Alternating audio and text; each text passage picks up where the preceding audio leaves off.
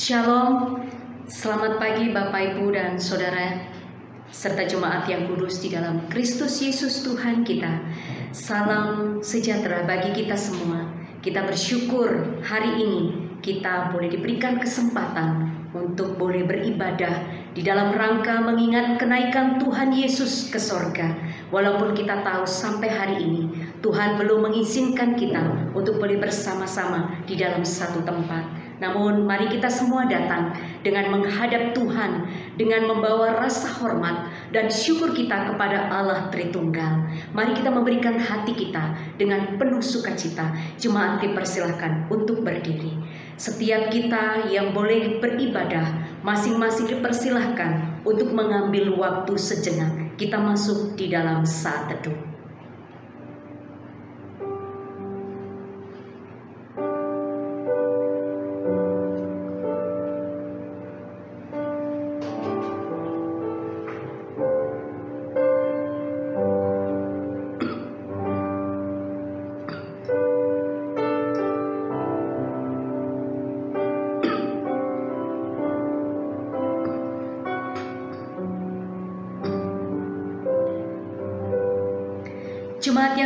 Terkasih di dalam Tuhan kita Yesus Kristus, ibadah kita hari ini dimulai dengan satu pengakuan bahwa pertolongan kita datangnya dari Allah yang menjadikan langit dan bumi beserta segala isinya dan yang tidak pernah meninggalkan hasil perbuatan tangannya.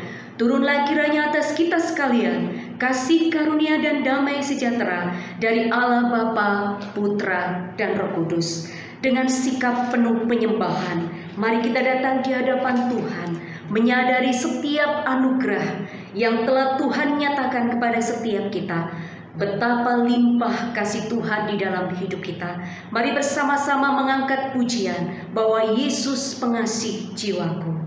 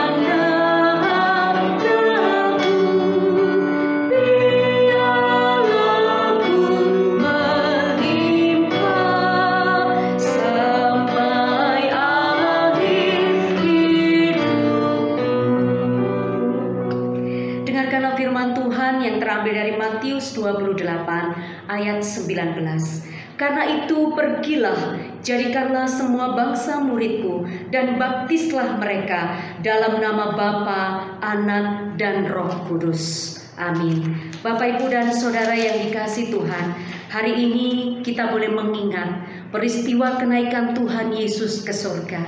Kita pun juga diingatkan bahwa dengan cara yang sama Tuhan pun juga akan datang ke dunia untuk yang kedua kalinya.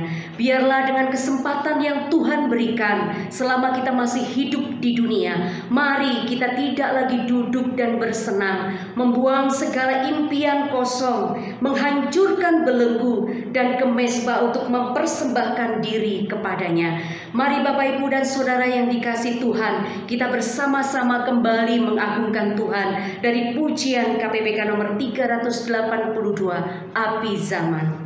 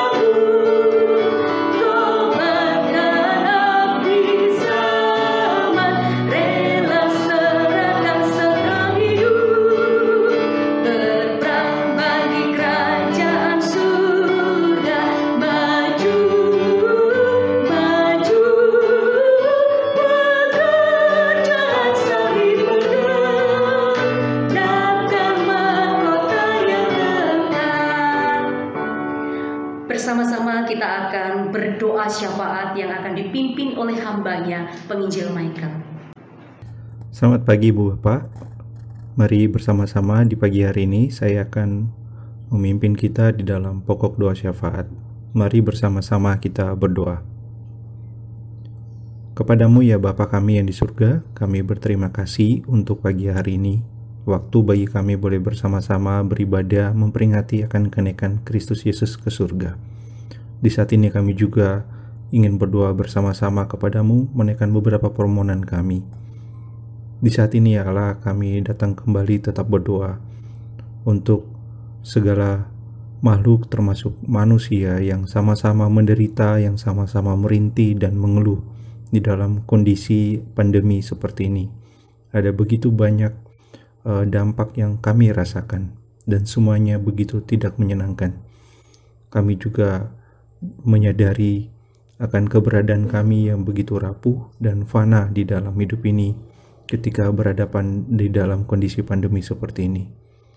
Namun kami juga percaya kepada Kristus yang telah bangkit dan mengalahkan maut, dan yang kenaikannya ke surga kami peringati pada hari ini.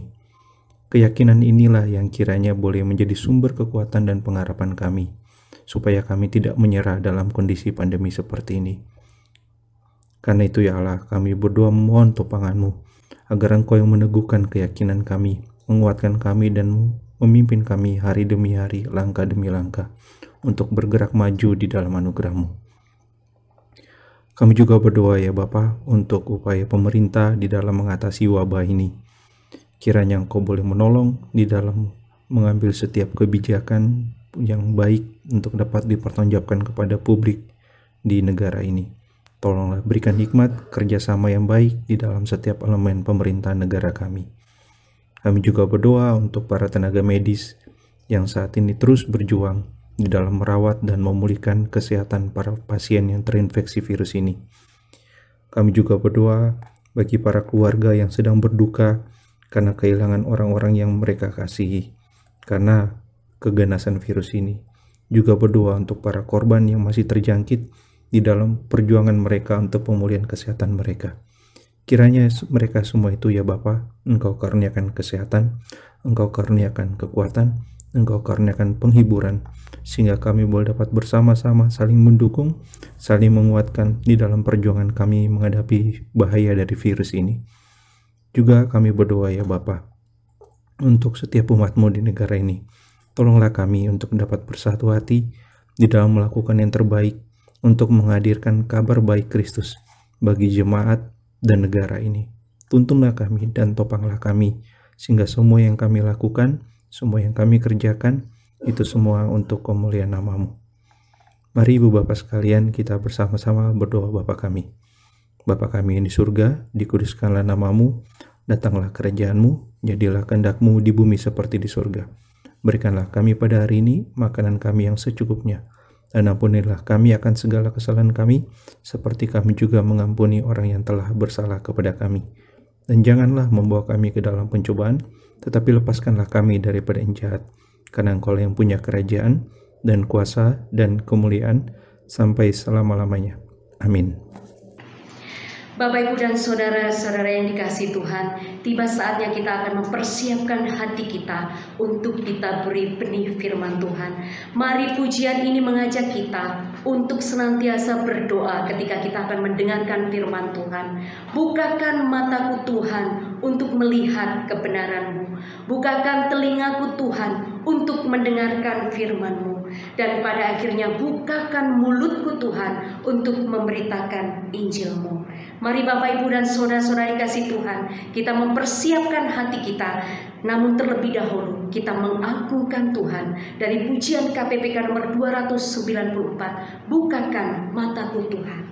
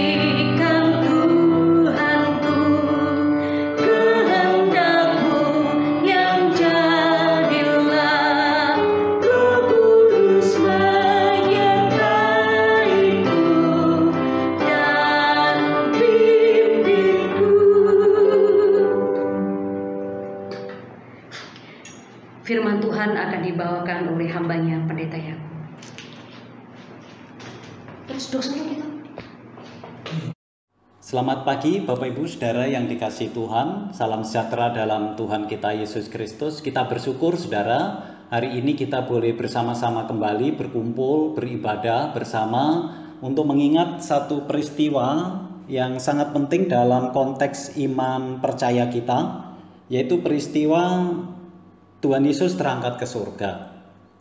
Biarlah Kisah ini akan menolong kita, mengingatkan kita, dan juga meneguhkan iman kita. Oleh sebab itu, mari saudara, kita berdoa terlebih dahulu sebelum kita membaca dan merenungkan firman Tuhan. Bapak yang di surga, kami memohon pertolonganmu. Tuhan membuka mata rohani kami, supaya kami boleh menemukan prinsip-prinsip kebenaran firman-Mu melalui kisah yang akan kami baca dan kami renungkan hari ini. Terpujilah namamu, dalam nama Tuhan Yesus kami berdoa. Amin. Saudara yang dikasih Tuhan, renungan kita hari ini diambil dari kitab kisah para rasul pasal yang pertama, ayat yang ke-6 sampai ayat yang ke-8. Yesus terangkat ke surga. Demikian firman Tuhan. Maka bertanyalah mereka yang berkumpul di situ, Tuhan, maukah engkau pada masa ini memulihkan kerajaan bagi Israel? Jawabnya, Engkau tidak perlu mengetahui masa dan waktu yang ditetapkan Bapa sendiri menurut kuasanya. Tetapi kamu akan menerima kuasa kalau Roh Kudus turun ke atas kamu, dan kamu akan menjadi saksiku di Yerusalem dan di seluruh Yudea dan Samaria dan sampai ke ujung bumi. Amin. Saudara yang dikasih Tuhan, teks yang kita baca hari ini adalah kisah detik-detik terakhir percakapan Tuhan Yesus dengan para muridnya sebelum Tuhan Yesus terangkat ke surga. Saudara, melalui kisah ini kita akan coba belajar dan kita berharap supaya kita bisa menemukan prinsip-prinsip iman Kristen yang akan menolong kita, mengingatkan kita sehingga iman kita akan semakin terus bertumbuh. Kita boleh menjadi saksi-saksi Tuhan di tengah-tengah dunia ini. Saudara yang dikasih Tuhan, dari bacaan yang kita baca, dari percakapan yang dilakukan oleh Tuhan Yesus bersama dengan muridnya, ada beberapa hal yang penting yang perlu kita perhatikan. Yang pertama, terdapat pada ayat yang ketiga. Di situ dikatakan kepada mereka, maksudnya kepada para murid dan orang-orang yang berkumpul di situ, ia menunjukkan dirinya setelah penderitaannya selesai dengan banyak tanda. Ia membuktikan bahwa ia, Yesus, hidup. Nah saudara yang dikasih Tuhan, Yesus masih ada di dunia ini selama 40 hari antara kebangkitannya dan kenaikannya ke surga. Saudara, apa tujuan Tuhan Yesus selama 40 hari itu ketika dia bangkit? Kenapa Yesus tidak langsung naik ke surga, tetapi masih ada rentang waktu 40 hari dan berjumpa dengan para muridnya. Berkali-kali Tuhan Yesus menampakkan diri kepada muridnya. Apa tujuannya? Saudara, tujuannya adalah membuktikan bahwa ia benar-benar bangkit dari antara orang mati, bahwa Yesus itu benar-benar hidup. Ia membuktikan bahwa ia hidup.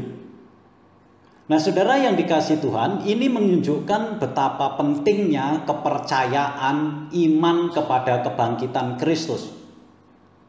Sehingga Yesus menunggu 40 hari menunjukkan berkali-kali bahwa dia hidup. Bahwa Yesus memang mati dan Yesus memang bangkit untuk menunjukkan di bahwa Yesus benar-benar hidup. Seperti halnya yang dikatakan di dalam kitab Roma, sebab jika kamu mengaku dengan mulutmu bahwa Yesus adalah Tuhan dan percaya dalam hatimu, maka kamu akan diselamatkan.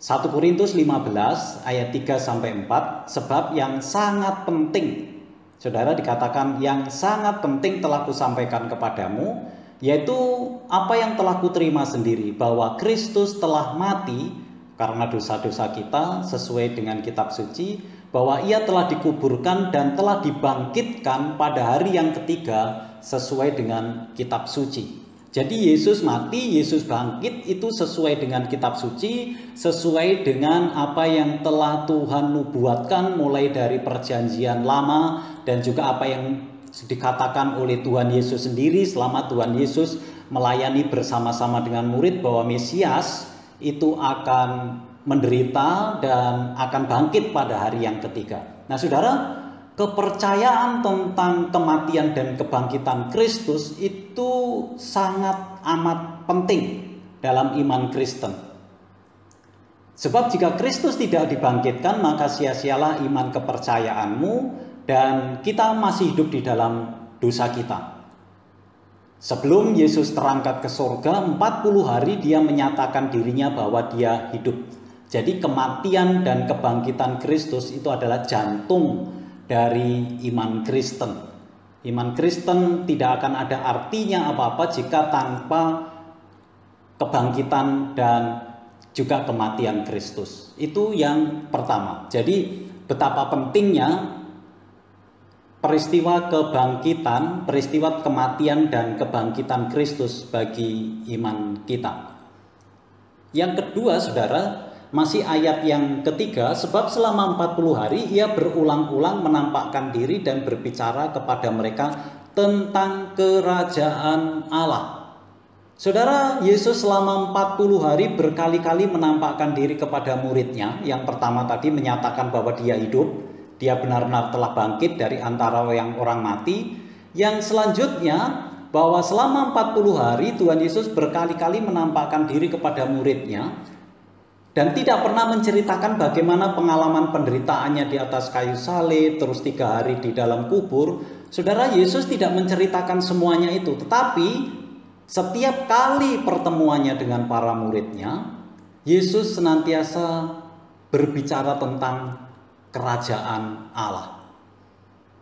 Saudara yang dikasih Tuhan, setelah berkali-kali Tuhan Yesus mengajar tentang kerajaan Allah, rupanya para murid juga masih belum memahami tentang kerajaan Allah yang Tuhan Yesus ajarkan. Nah, ini terbukti dari pertanyaan para murid kepada Tuhan Yesus. Dia mengatakan, "Tuhan, maukah Engkau pada masa ini memuliakan kerajaan Israel?" Saudara yang dikasih Tuhan, Tuhan Yesus berbicara tentang kerajaan Allah kepada murid-murid dalam berkali-kali pertemuannya dalam ketika Tuhan Yesus menampakkan diri. Tetapi murid-murid berpikir tentang pemulihan kerajaan Israel. Ini kalau anak sekarang bilang itu tidak nyambung. Yesus berbicara tentang kerajaan Allah, murid-murid berpikir tentang pemulihan kerajaan Israel. Para murid Yesus sama sekali sama dengan orang-orang Yahudi umumnya. Mereka mendambakan kedatangan kerajaan Mesias yang supranatural di bumi ini dalam pikiran mereka kerajaan Allah itu identik dengan kerajaan Israel. Saudara yang dikasih Tuhan yang jelas bahwa kerajaan yang sedang dibicarakan oleh Tuhan Yesus bukanlah kerajaan Israel seperti yang ada dalam pikiran para murid dan orang Israel pada umumnya. Kerajaan Allah yang Tuhan Yesus sampaikan kepada murid-muridnya memang bermula dari Israel. Saudara, Tuhan Yesus mengatakan pada ayat yang ke-8 dari Yerusalem, Yudea, Samaria sampai ujung bumi. Jadi kerajaan Allah, pemulihan kerajaan Allah itu memang dimulai dari Israel, dari Yerusalem, Yudea, Samaria sampai ke ujung bumi. Tetapi kerajaan Allah itu tidak identik, itu tidak sama dengan kerajaan Israel. Dimulai dari Israel, ya, tetapi tidak hanya berhenti sampai di Israel. Saudara, kerajaan Allah yang dibicarakan Tuhan Yesus itu targetnya adalah terjadinya pemulihan seluruh bumi. Pemulihan Israel itu hanya sebuah sarana untuk mencapai tujuan akhir, yaitu pemulihan seluruh bumi umat Israel dipanggil sebagai komunitas persekutuan yang melayani. Mereka adalah saksi-saksi Tuhan, saksi-saksi bagi Tuhan. Mereka dipulihkan untuk memulihkan. Terlalu sedikit bagimu hanya untuk menjadi hambaku, untuk menegakkan suku-suku Yakub dan untuk mengembalikan orang-orang Israel yang masih terpelihara. Itu terlalu sedikit. Yesaya 49 ayat 6. Tetapi aku akan membuat engkau menjadi terang bagi bangsa-bangsa supaya keselamatan yang daripadaku sampai ke ujung bumi. Nah itulah saudara, tujuannya Tuhan Yesus berbicara tentang kerajaan Allah adalah pemulihan sampai ujung bumi. Dan itu dimulai dari Yerusalem, dimulai dari Israel. Nah saudara yang dikasih Tuhan, jawaban Tuhan Yesus di ayat yang ketujuh kepada para murid, dia mengatakan, engkau tidak perlu mengetahui masa dan waktu yang ditetapkan Bapa sendiri menurut kuasanya. Saudara, frasa yang ditetapkan Bapa sendiri menurut kuasanya merupakan sebuah teguran bagi murid-murid. Mereka, para murid, itu terlalu mengurusi apa yang bukan menjadi urusan mereka ada hal tertentu yang menjadi kuasa otoritas Allah. Pemulihan Israel itu adalah otoritas dari Allah. Kita tidak usah mencampuri bagian Allah. Sekarang bagian kita, fokus kita itu yang harus kita kerjakan. Nah, saudara yang dikasih Tuhan, Tuhan Yesus memanggil para pengikutnya itu untuk menjadi saksi, dan inilah bagian kita. Itulah yang paling penting, yang terpenting, yang memang harus kita kerjakan, karena itu adalah perintah dari Yesus sendiri sebelum Dia naik ke surga. Saudara yang dikasih Tuhan, dari perintah untuk menjadi saksi ini, ada kebenaran yang perlu untuk kita perhatikan. Yang pertama, Allah akan memperlengkapi para saksinya. Ayat yang ke-8 itu menjadi fokus renungan kita. Dan kamu akan menerima kuasa kalau Roh Kudus turun ke atas kamu dan kamu akan menjadi saksiku di Yerusalem dan di seluruh Yudea dan Samaria dan sampai ke ujung bumi. Saudara, Allah itu akan memperlengkapi para saksinya. Kita dipanggil itu untuk menjadi saksi Tuhan dan Allah memperlengkapi kita untuk menjadi saksinya. Sebelum menjadi saksi, para murid harus menunggu Roh Kudus turun atas mereka. Mereka tidak boleh meninggalkan Yerusalem. Saudara Allah bekerja di dalam diri mereka, diri para murid terlebih dahulu. Jadi Allah bekerja memperbarui para murid lebih dahulu. Setelah itu baru Allah bekerja melalui mereka. Jadi ini prinsip yang sangat penting sekali bagi setiap kita bahwa ketika Tuhan mau memakai kita, maka Tuhan pasti akan berkarya dalam hidup kita terlebih dahulu. Setelah Tuhan berkarya dalam hidup kita, baru Tuhan akan memakai kita untuk menjadi alatnya. Allah memperlengkapi kita terlebih dahulu. Allah berkarya dalam hidup kita terlebih dahulu, baru Allah memakai kita. Saudara, mengapa mereka harus menunggu janji Bapa, yaitu baptisan Roh Kudus? Karena mereka memerlukan kuasa untuk menjadi saksi-saksi yang efektif yang akan Tuhan pakai untuk memberitakan Injilnya. Saudara, tanpa kuasa Roh Kudus, orang tidak akan mungkin bisa menjadi saksi Tuhan. Tanpa kuasa Roh Kudus, tidak mungkin orang itu bisa menjadi saksi karya keselamatan yang telah dikerjakan Allah di atas kayu salib. Saudara yang dikasih Tuhan, yang menarik yang perlu diperhatikan adalah keadaan para murid pada waktu itu setelah menyaksikan bertemu dengan Tuhan Yesus yang bangkit berkali-kali menampakkan diri kepada mereka, sebenarnya keadaan murid-murid waktu itu sudah mulai semakin baik. Mereka tidak lemah dan putus asa lagi, seperti halnya sebelum Tuhan Yesus bangkit. Tetapi mengapa Tuhan Yesus tidak langsung mengutus mereka saja di tengah-tengah dunia untuk memberitakan Injil, menjadi saksi bagi dunia?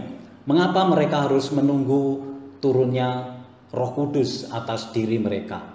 Saudara, karena pada karena para murid itu membutuhkan kuasa Roh Kudus. Mereka punya keberanian, iya, mungkin mempunyai keberanian. Tetapi keberanian itu tidak memadai untuk menjadi seorang saksi. Dia mungkin punya pengalaman, iya, mengikut Tuhan Yesus selama tiga tahun, menyaksikan kebangkitan Tuhan Yesus, tetapi pengalaman saja itu tidak bisa diandalkan. Dia punya pengetahuan, iya, Yesus sudah mengajar banyak hal tentang perjalanan pelayanan Yesus bersama-sama dengan Tuhan Yesus 40 hari Tuhan Yesus mengajarkan tentang kerajaan Allah. Pengetahuan mungkin dia punya. Tetapi sering kali pengetahuan itu mengecewakan.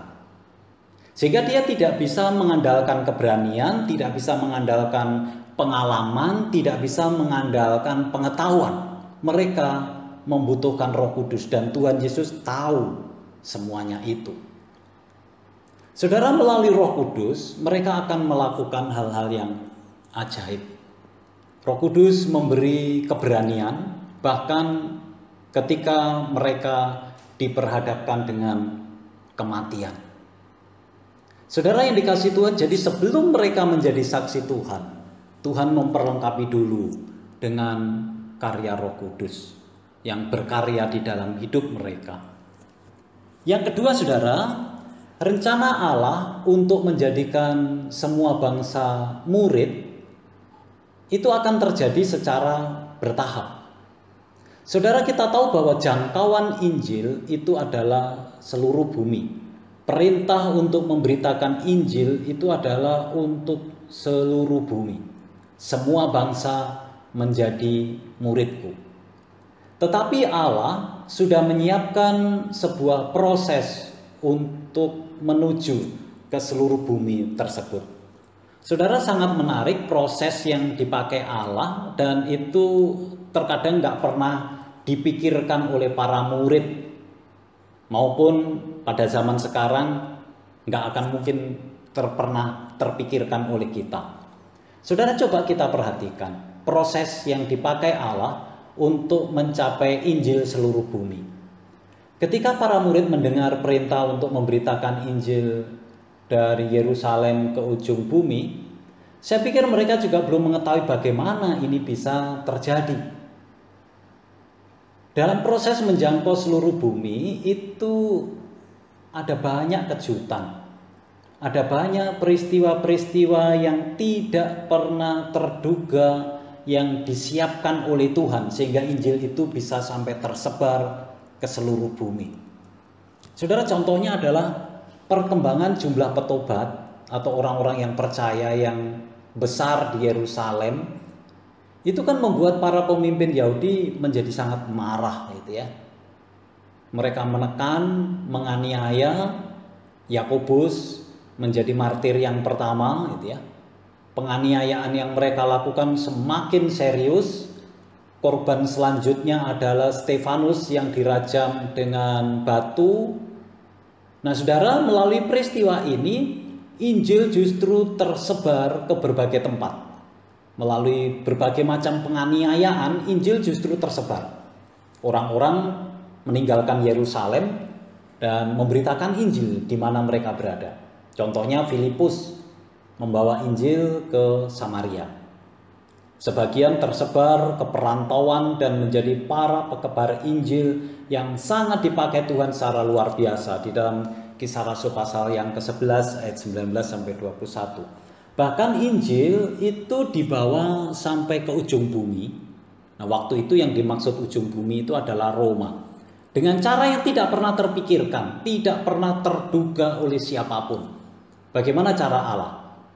Saudara, Tuhan memakai Paulus dengan cara Paulus ditangkap di Yerusalem.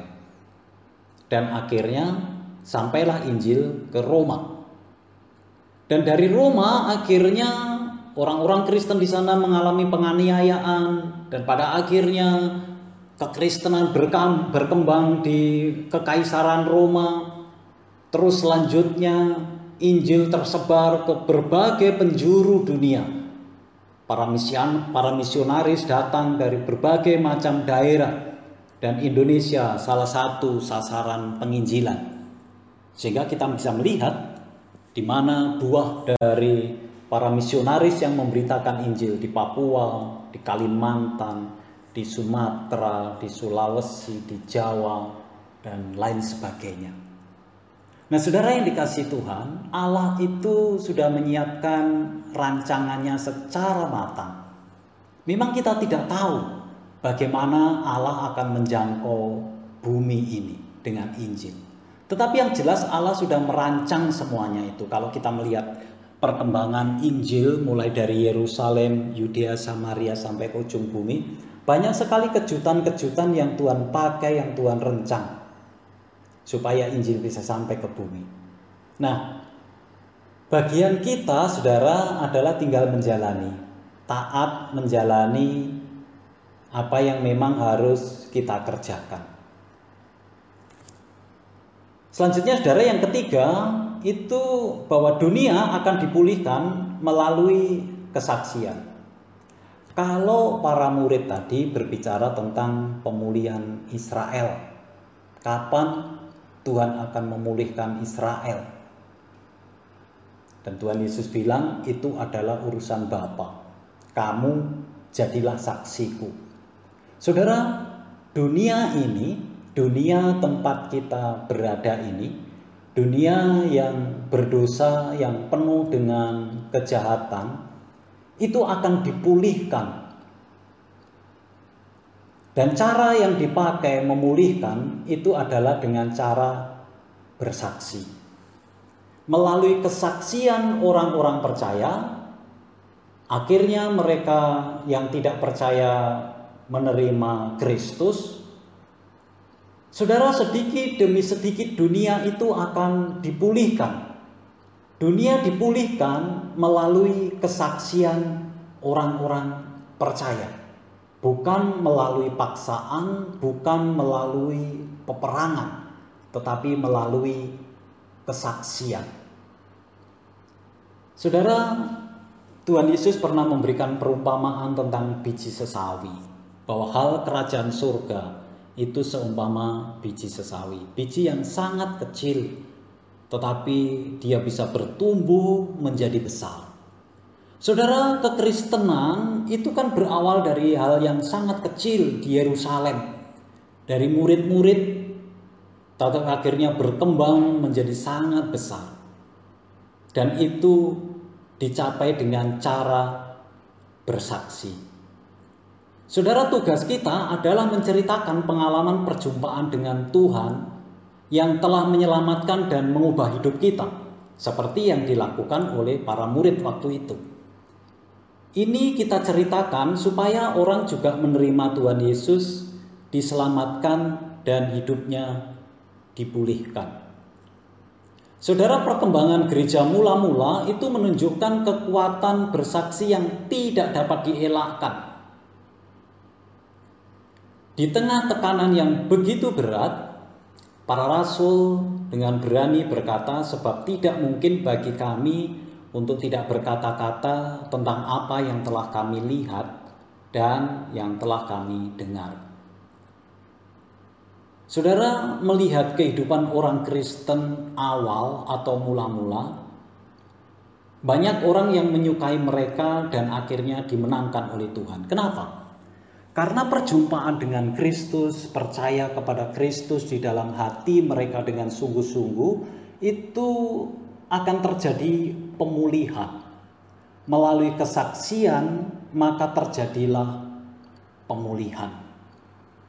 Nah, saudara yang dikasih Tuhan, perintah Tuhan Yesus untuk memberitakan Injil kepada para murid waktu itu juga menjadi perintah bagi kita saat ini. Ada yang bisa kita lakukan untuk memberitakan Injil di dunia ini. Banyak hal yang bisa kita lakukan untuk memberitakan Injil di tengah-tengah dunia ini. Saudara, apa yang bisa kita lakukan sebagai saksi-saksi Tuhan di tengah dunia ini? Saudara, kita bisa berbicara bercerita tentang kepastian keselamatan yang telah Tuhan Yesus kerjakan di dalam kehidupan kita kepada orang-orang yang di sekitar kita. Saudara masih begitu banyak orang yang mengaku Kristen tetapi memiliki konsep keselamatan yang masih kabur. Nah, saudara, ini adalah sasaran pemberitaan Injil bagi kita. Ini juga bisa kita lakukan dengan sangat minim resikonya. Saudara kita bisa berdoa, mendoakan para pemberita Injil di mana pun mereka berada, yang mempertaruhkan nyawanya. Kita juga bisa memberi harta kita untuk e, menjangkau penginjilan di dunia ini, mendukung mereka yang membutuhkan dukungan kita ketika mereka melayani pemberitaan Injil di berbagai macam tempat. Saudara, mari kita bersama-sama melaksanakan mega proyek ilahi, menjangkau jiwa untuk menerima Kristus sebagai Tuhan dan Juru Selamat secara pribadi. Karena memang kita dipanggil, kita diselamatkan supaya kita menjadi saksi Tuhan. Biarlah pengalaman hidup kita bersama dengan Tuhan itu kita boleh ceritakan kepada mereka yang belum mendengar Injil Tuhan. Amin. Mari kita berdoa. Bapak yang di surga, Tuhan Yesus naik ke surga. Tuhan Yesus memberikan pesan bahwa kami harus menjadi saksi Tuhan, memberitakan Injil sampai ke ujung bumi. Biarlah di mana pun kami berada, kami boleh memiliki hati untuk memberitakan Injil bagi mereka yang membutuhkan. Sehingga pada akhirnya Injil boleh menjangkau seluruh dunia. Dan pemulihan akan terjadi melalui kesaksian orang-orang yang telah menerima Engkau sebagai Tuhan dan Juru Selamat secara pribadi. Dan itu ada di dalamnya adalah kami. Berkati firman-Mu yang sudah kami renungkan. Terpujilah namamu, dalam nama Tuhan Yesus kami berdoa. Amin. Bapak Ibu dipersilahkan berdiri, kita akan mengakhiri ibadah kita, kita ujikan doksologi.